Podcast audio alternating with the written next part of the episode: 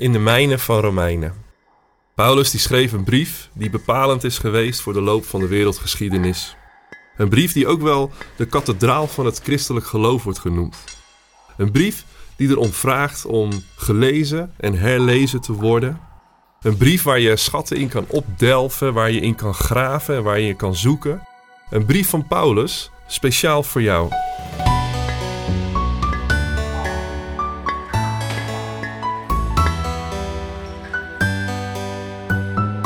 Gaan in deze podcast mijnen in Romeinen.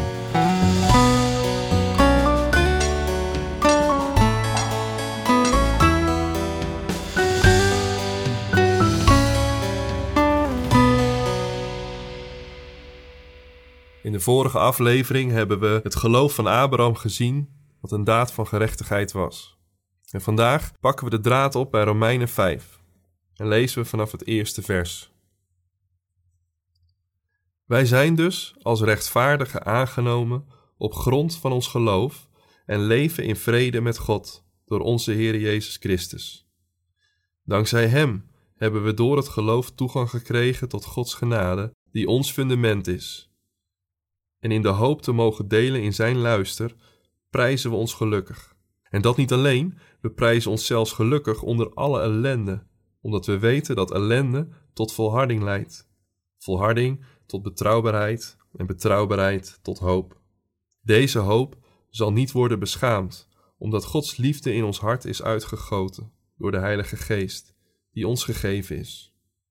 Toen wij nog hulpeloos waren, is Christus immers voor ons, die op dat moment nog schuldig waren, gestorven. Er is bijna niemand die voor een rechtvaardig mens wil sterven. Slechts een enkeling durft voor een goed mens zijn leven te geven. Maar God bewees ons zijn liefde doordat Christus voor ons gestorven is toen wij nog zondaars waren. Des te zekerder is het dus dat wij, nu we door zijn dood zijn vrijgesproken, dankzij hem zullen worden gered en niet veroordeeld. Werden we in de tijd dat we nog Gods vijanden waren al met hem verzoend door de dood van zijn zoon, des te zekerder is het dat wij, nu we met hem zijn verzoend, worden gered door diens leven. En meer nog, dat wij God prijzen, danken we aan onze Heer Jezus Christus, door wie we nu al met God zijn verzoend. Een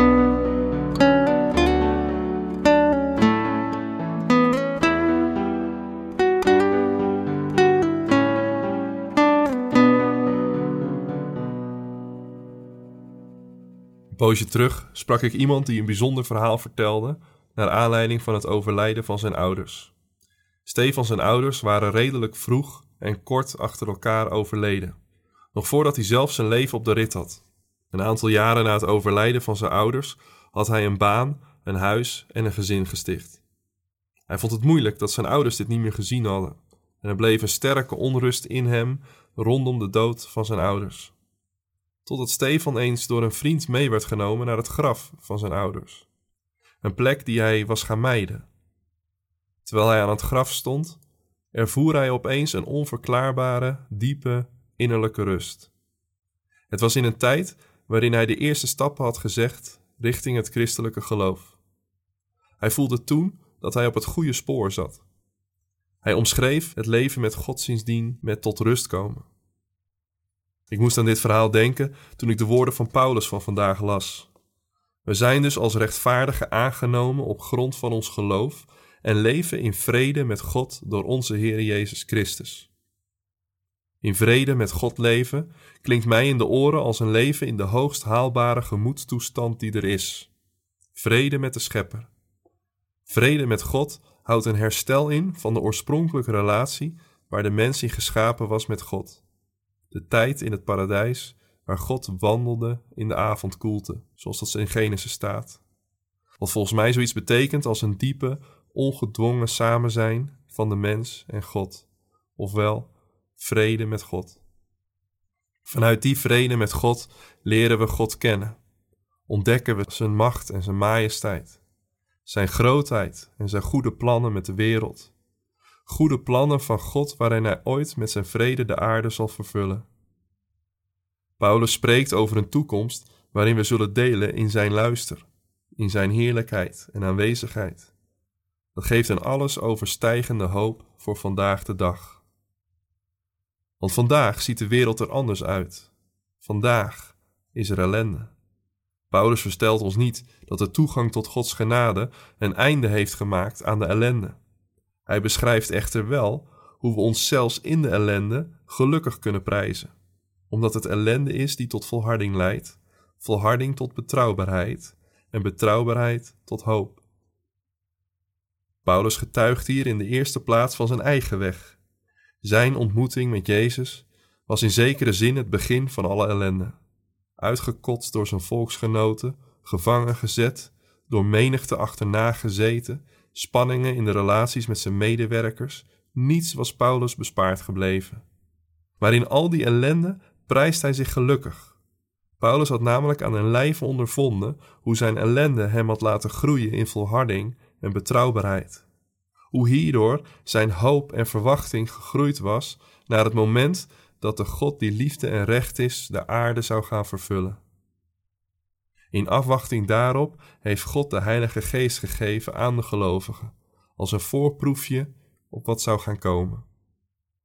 En zo is ook de gave van de Heer Jezus Christus het bewijs voor Paulus en voor ons dat we met God leven en zullen leven. God gaf zijn zoon zelfs al toen we nog zondaren waren. Hoeveel te meer mogen we er dan op rekenen dat de verzoening die God in zijn zoon gaf, ons deel zal zijn, nu onze zonden ons niet meer toegerekend worden door het geloof in deze Jezus Christus.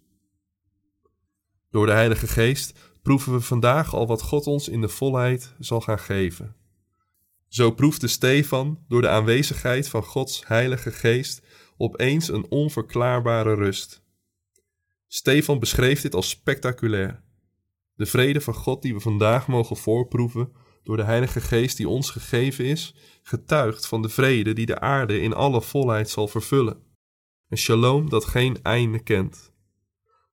Tot het zover is, kan de ellende die we meemaken ons oefenen in volharding, zoals Paulus dat schetst. Kan de volharding bijdragen aan onze betrouwbaarheid. Kan de betrouwbaarheid onze hoop op datgene wat komt versterken. Draagt alles wat je dus meemaakt bij aan de zekerheid dat God shalom, zijn vrede, de aarde en jou vervult. Amen.